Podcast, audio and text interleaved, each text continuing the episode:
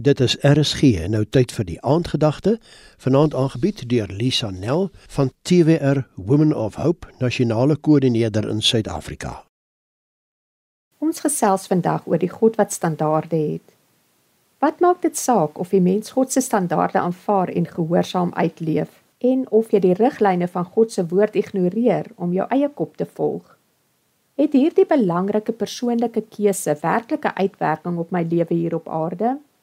Deuteronomium 27 tot 29 hou vir ons die nagevolge van die keuses wat jy in jou lewe maak voor.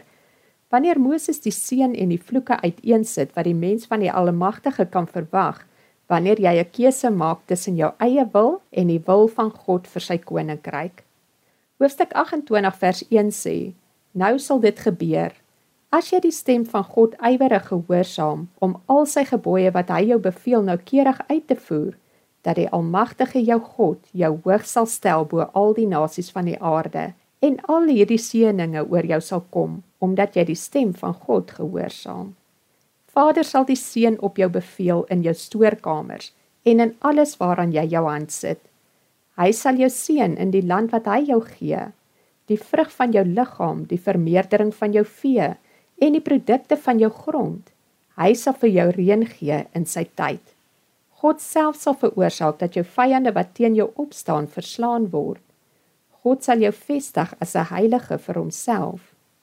Hierdie seën sal oor jou kom wanneer jy nie na regs of na links afdraai om agter ander gode aan te gaan om hulle te dien nie.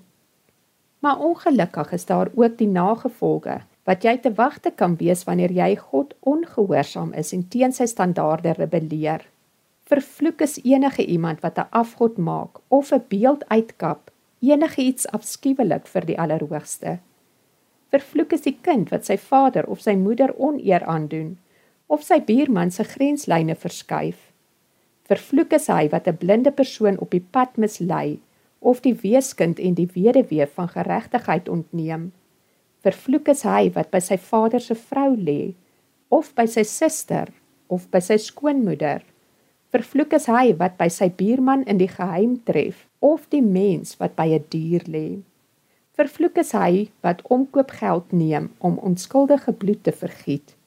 Vervloek is die wat nie die woord van hierdie wet handhaaf deur dit te onderhou nie. God het standaarde. Die mens wat verkeerd handel, behoort die Allerhoogste om vergifnis te vra, omdat ons in sy koninkryk onwelvoeglik gehandel het. Kom ons bid saam. Vader, U alleen is magtig. U regeer volgens morele standaarde. Daarom is U waardig om aanbid te word. Amen. Die handgedagte is aangebied deur Lisa Nel, TWR Women of Hope, nasionale koördineerder in Suid-Afrika.